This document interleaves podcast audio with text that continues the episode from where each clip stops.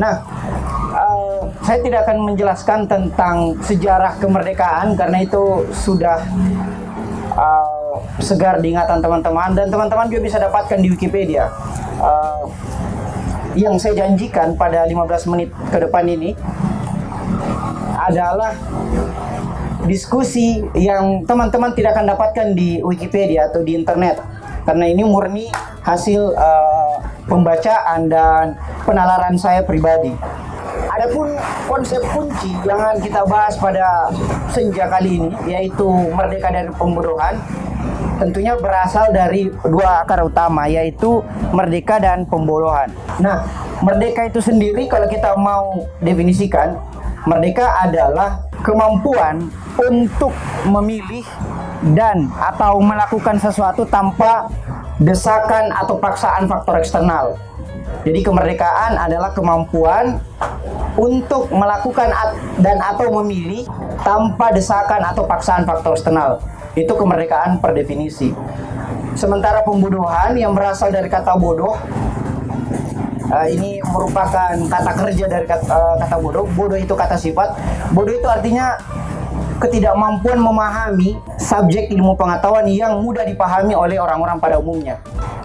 Jadi kebodohan itu sifatnya sebenarnya subjektif. Mungkin uh, seseorang bodoh dalam matematika atau rendah intelektualitasnya dalam matematika, tapi di saat yang bersamaan dia cerdas dalam linguistik. Sayangnya sistem pendidikan kita itu sangat-sangat tidak merdeka dalam artian kecerdasan itu diukur dari kemampuannya dalam matematika toh atau paling banter bahasa Inggris. Sementara banyak tipologi kecerdasan lainnya. Misalnya kecerdasan intrapersonal, kecerdasan interpersonal, kecerdasan natural, kecerdasan uh, spasial. Ada banyak sekali tipologi kecerdasan menurut uh, Howard Gardner. Nah, di dalam sistem pendidikan kita, orang dikatakan cerdas ketika dia jago hitung-hitungan atau jago bahasa Inggris. Sehingga pembodohan adalah upaya untuk menurunkan kualitas intelektual seseorang atau bahkan masyarakat. Jadi saya ulang, pembodohan adalah upaya untuk menurunkan tingkat intelektualitas seseorang atau bahkan masyarakat. Pembodohan ini memiliki implikasi.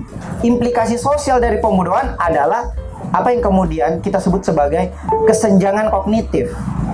Kesenjangan kognitif itu adalah kondisi di mana tingkat uh, pendidikan masyarakat kita di satu sisi itu sangat tinggi, sementara di saat yang bersamaan terjadi pula tingkat pendidikan masyarakat yang sangat rendah.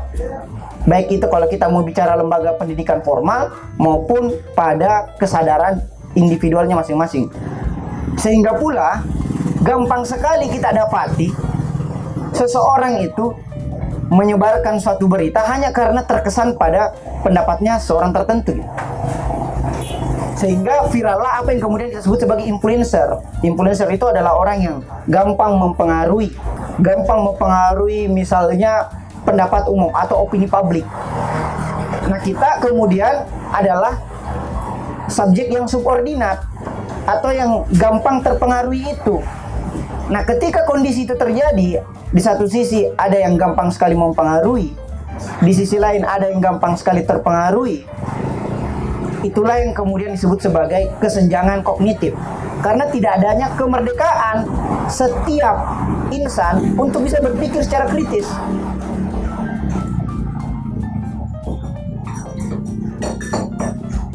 Bahkan kesenjangan kognitif itu kita dapati juga bukan hanya dalam ruang-ruang pendidikan, tetapi ruang-ruang I'm sorry to say, ruang-ruang organisasi yang selama ini kita merasa bahwa inilah organisasi yang melahirkan kemerdekaan berpikir. Pembodohan ini atau kesenjangan kognitif ini, kalau saya mau pakai bahasa yang lebih halus, kesenjangan kognitif ini itu bisa dilakukan secara pasif, bisa juga bisa dilakukan secara aktif. Secara aktif itu dilakukan oleh yang pro status quo. Metodenya biasa top down, dari atas ke bawah. Sementara secara pasif ini yang ini yang sering kali kita tidak sadari karena sifatnya yang laten atau tersembunyi. Secara pasif itu dilakukan oleh button up yang sayangnya oleh kita-kita semua. Nah, esensi dari pembodohan itu adalah pembiaran. Itu satu. Bahwa esensi dari pembodohan itu adalah pembiaran. Ketika kita membiarkan masyarakat atau pendidikan berjalan sebagaimana adanya aja gitu. Kita tidak mencoba uh, melakukan uh, upaya-upaya uh, penyadaran sebagaimana mestinya. Untuk saya ulang bahwa pembodohan ini esensinya adalah pembiaran. Jadi pembodohan atau kesenjangan kognitif yang merupakan implikasi dari pembunuhan itu tercipta dari sebuah proyek. Nah, kalau kita mau tarik lagi akarnya secara jauh misalnya, kalau kita gunakan pendekatan kolonialisme, dulu misalnya di uh, sebelum kemerdekaan, orang-orang yang bisa sekolah adalah orang-orang yang mempunyai privilege tertentu. Dalam hal ini keturunan Indo-Eropa atau keturunan priai Dulu dalam hukum perdata itu terbagi tiga golongan masyarakat di Indonesia kalau kita pakai uh, Undang-Undang Regeling Reglement tahun 1854. Jadi ada orang Eropa, ada orang Asia Timur, dan ada pribumi. Kita adalah warga negara kelas 3 orang pribumi. Nah, orang pribumi tidak punya akses terhadap pendidikan. Itu sejarahnya. Sehingga orang-orang seperti Soekarno lah, Ki Hajar Dewantara yang kemudian melakukan kegiatan-kegiatan penyadaran. Penyadaran kemudian untuk kita bedakan uh, sebagai oposisi biner dari pembodohan. Walaupun tidak semua penyadaran itu datang dari ruang-ruang kelas. Bagaimana kemudian setelah kemerdekaan? Apakah kita juga sudah merdeka dari kebodohan atau merdeka dari pembodohan?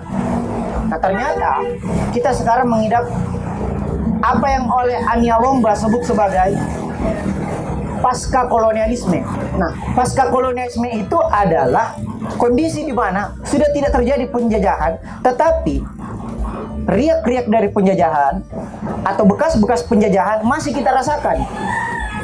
Itu ditandai dengan adanya sikap inferioritas. Misalnya kalau produk barat atau pemikiran barat, kita langsung gandrung. Dari buku barat ini, buku dari uh, Adam Smith, buku dari Yuval Noah Harari, langsung tak gandrung. Itu baru produk pemikiran, belum pada produk-produk lifestyle kayak baju, uh, teknologi, uh, kendaraan, sampai kepada infrastruktur. Itu uh, karakteristik dari pasca kolonialisme. Nah, di dalam bukunya itu Ania Lomba menjelaskan bahwa efek dari pasca kolonialisme ini lebih berbahaya karena dapat menciptakan apa yang Antonio Gramsci sebut sebagai hegemoni. Jadi hegemoni itu adalah penjajahan alam bawah sadar. Gramsci menulis di dalam penjara ketika dia dipenjara oleh rezim uh, Mussolini, fasisme di Itali, bahwa hegemoni itu berbahaya. Kenapa? Karena hegemoni itu penjajahan alam bawah sadar yang mana kita merasa sedang tidak dijajah gitu atau bahkan ketika kita sadar bahwa kita dijajah, kita senang akan keterjajahan tersebut. Itulah yang disebut sebagai penjajahan alam bawah sadar. Contohnya dalam segi-segi kebudayaan tertentu. Contoh bahasa. Kita bangga atau katakanlah beberapa perempuan-perempuan milenial bangga ketika dia fasih berbahasa Korea. Bahasa kan salah satu elemen kebudayaan.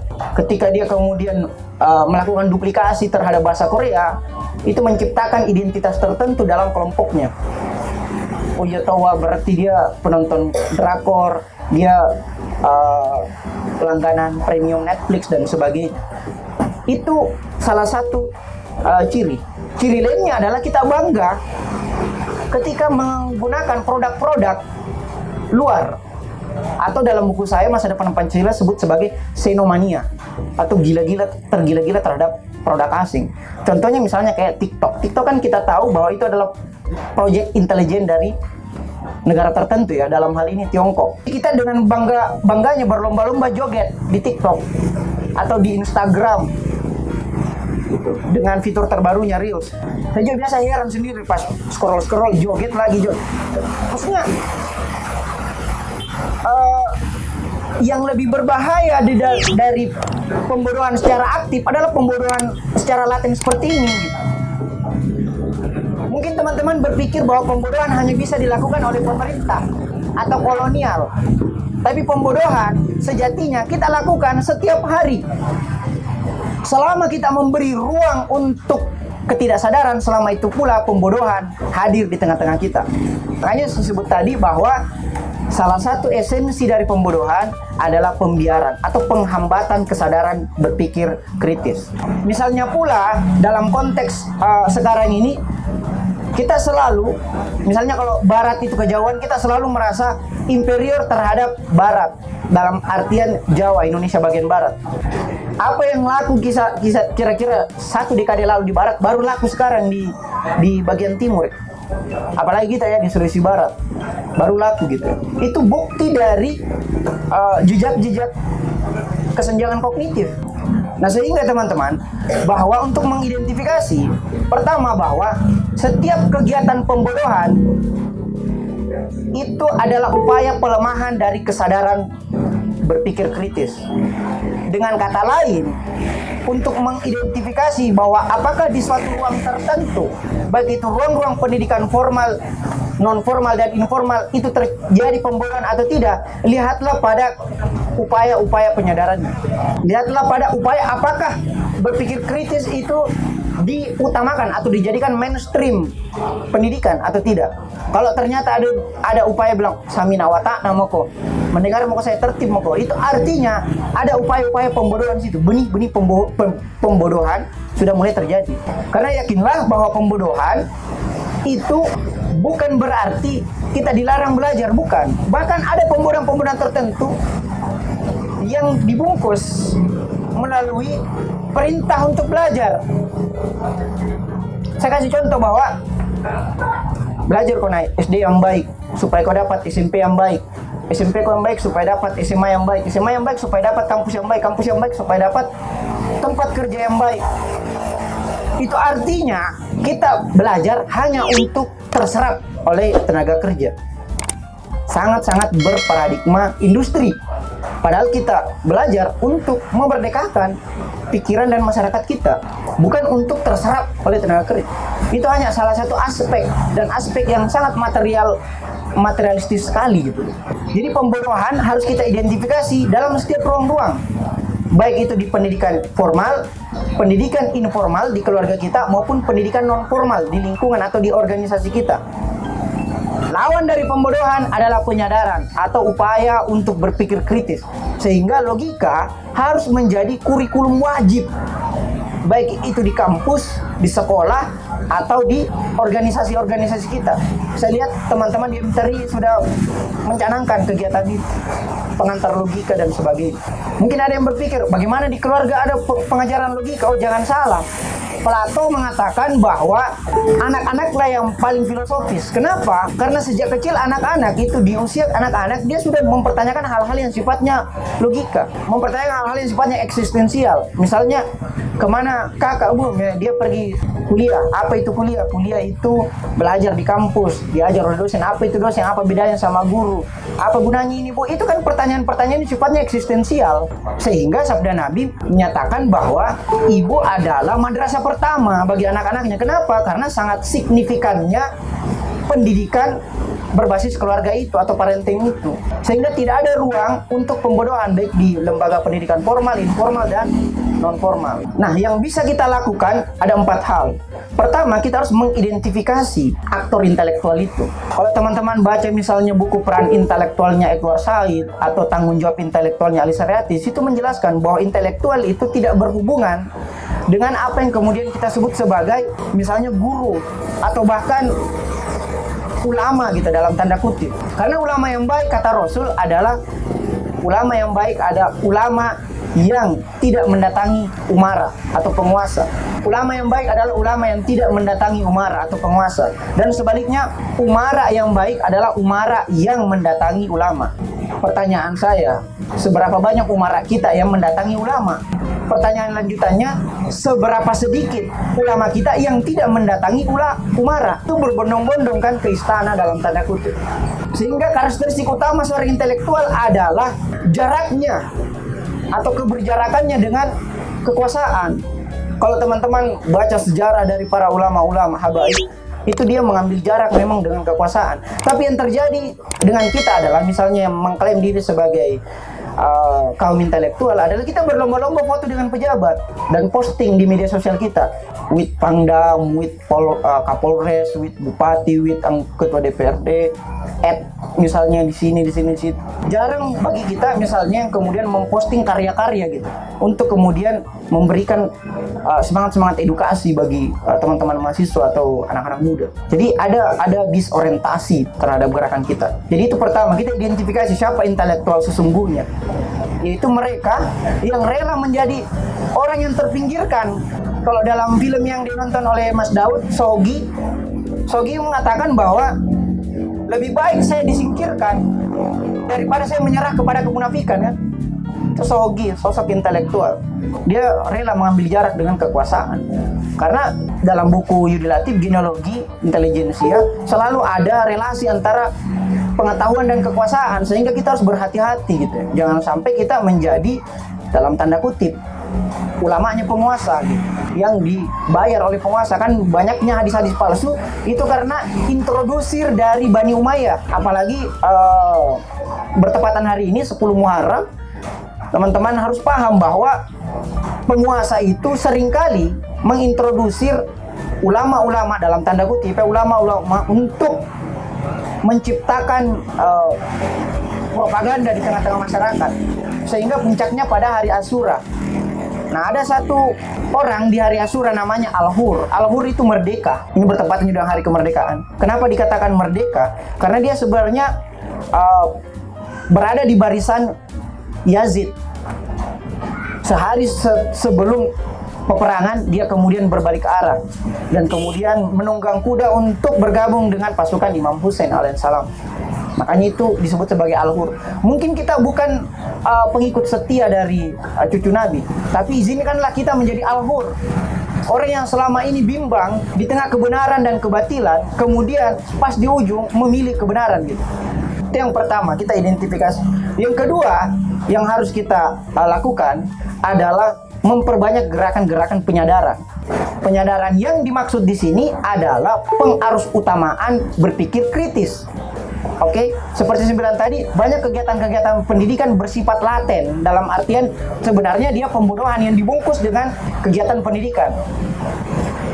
Kalau teman-teman baca Mutahari misalnya dalam uh, dasar-dasar epistemologi pendidikan Islam disebutkan salah satu upaya dari pembodohan itu adalah tradisi. Jadi lawan dari salah satu lawan dari uh, penyadaran adalah tradisi. Jangan bertumpu pada tradisi jam 7 ke kampus kemudian jam 5 pulang. Bukan. Sama seperti kata Paul Freire dalam uh, politik pendidikan bahwa membaca itu bukan menabung kata-kata di dalam otak kita. Membaca itu bukan mengkonsumsi pengetahuan. Jangan anggap teman-teman ketika teman-teman sudah membaca dan memposting di IG-nya di samping di sampingnya buku ada kopi begitu. Jangan anggap itu adalah kegiatan pendidikan. Membaca kata Freire adalah reproduksi gagasan-gagasan baru. Sehingga sabda Rasul merenung satu detik lebih mulia atau berpikir satu detik lebih mulia daripada beribadah, beribadah seharian. Karena pentingnya reproduksi pengetahuan baru itu. Pernah nggak teman-teman setelah sel selesai membaca menutup bacaannya kemudian berpikir, bagaimana kalau saya lakukan ini, di Gitu. Itu yang kemudian disebut sebagai reproduksi pengetahuan baru. Dan itu yang perlu dimasifikasi, diperbanyak supaya lahir lagi terobosan-terobosan baru, bukan tradisi-tradisi aja. Tapi lahir adab-adab baru untuk melawan kebiadaban-kebiadaban saya kira di sini bukan tempatnya untuk membahas enam tahap itu lagi gitu. Dikatakan tahap karena tidak bisa kita lompat kepada tahapan selanjutnya ketika kita belum selesai kepada fundamen yang pertama, yaitu berpikir kritis. Nah, yang terjadi kita langsung menyimak. Baik itu di SD atau bahkan sampai di S3. Bagaimana kita bisa menentukan neraca pengetahuannya secara epistemologis antara benar dan salah kalau berpikir kritis kita belum diperbaiki gitu. Untuk menentukan benar dan salah baik dan buruk itu semua bertumpu pada epistemologi yang dipelajari melalui logika. Potong ulang dulu sistem pendidikan kita. Kita mulai dari berpikir kritis. Dan ini sudah sangat naluriah sangat fitrawi karena seperti yang saya bilang tadi sejak kecil orang sebenarnya sudah orang anak-anak sebenarnya sudah mulai berpikir kritis. Itu yang ketiga.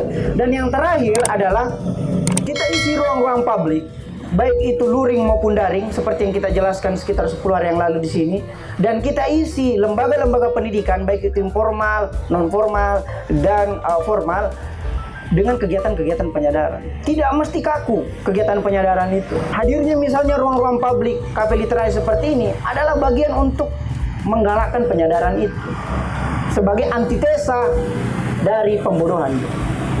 Tapi jangan sampai kafe literasi itu bentuknya aja yang kafe gitu. Tetapi yang terjadi rutinitas di dalamnya terjadi yang terjadi adalah kegiatan pembunuhan pula.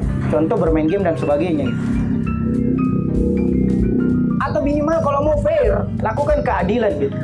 Misalnya kalau teman-teman bermain game 2 jam, iya membacanya juga 2 jam dong. Kalau mau fair gitu seperti yang saya jelaskan 10 sekitar 10 hari yang lalu coba sering kali lihatlah durasi layar. Durasi layar itu untuk menentukan berapa lama Anda mengonsumsi gadget Anda setiap hari. Ternyata ada yang sampai 6 sampai 12 jam gitu.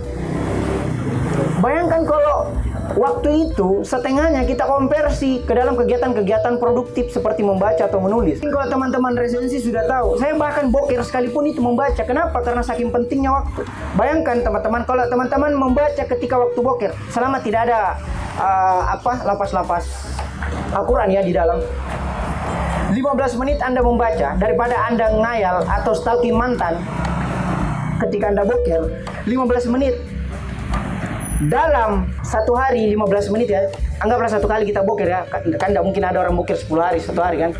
Anggaplah anda bokir satu hari satu kali. 15 menit aja guys. 15 menit aja anda bokir.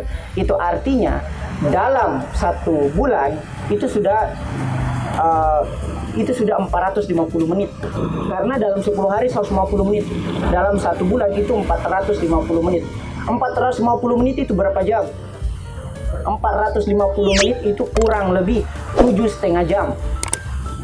Tujuh setengah jam itu berapa buku yang bisa dihabiskan?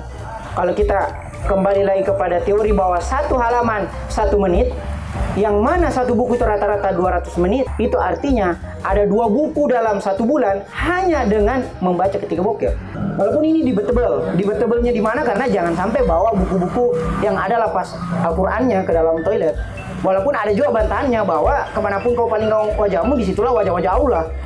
Itu artinya tidak ada ruang di dunia ini yang bukan merupakan bagian dari tajalli Allah Subhanahu wa taala kan. Sehingga itu ada HP di tangan kiri, di tangan kanan ada buku.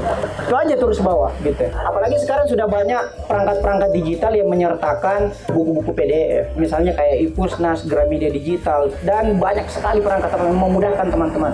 Atau kalau teman-teman juga kesulitan bagi per setelah sholat gitu. Misalnya ada lima kali sholat setiap hari 15 menit aja sudah selesai sholat setiap hari sudah 75 menit jadi untuk mengganti upaya menyimak kita tiap hari 6 jam kan karena kan kita ini belajar ini uh, jangan pernah pernah merasa bahwa saya sudah tamat S1 mah, S2 mah, S3 mah atau SMA mah. Jangan pernah merasa tamat. Hingga tidak pernah berhenti belajar. Jadi tetap waktu belajar hari itu misalnya 4 sampai 6 8 jam uh, dan konversi ke dalam kegiatan-kegiatan produktif seperti membaca dan menulis. Saya kira itu pengantarnya dulu. Terima kasih. Assalamualaikum warahmatullahi wabarakatuh.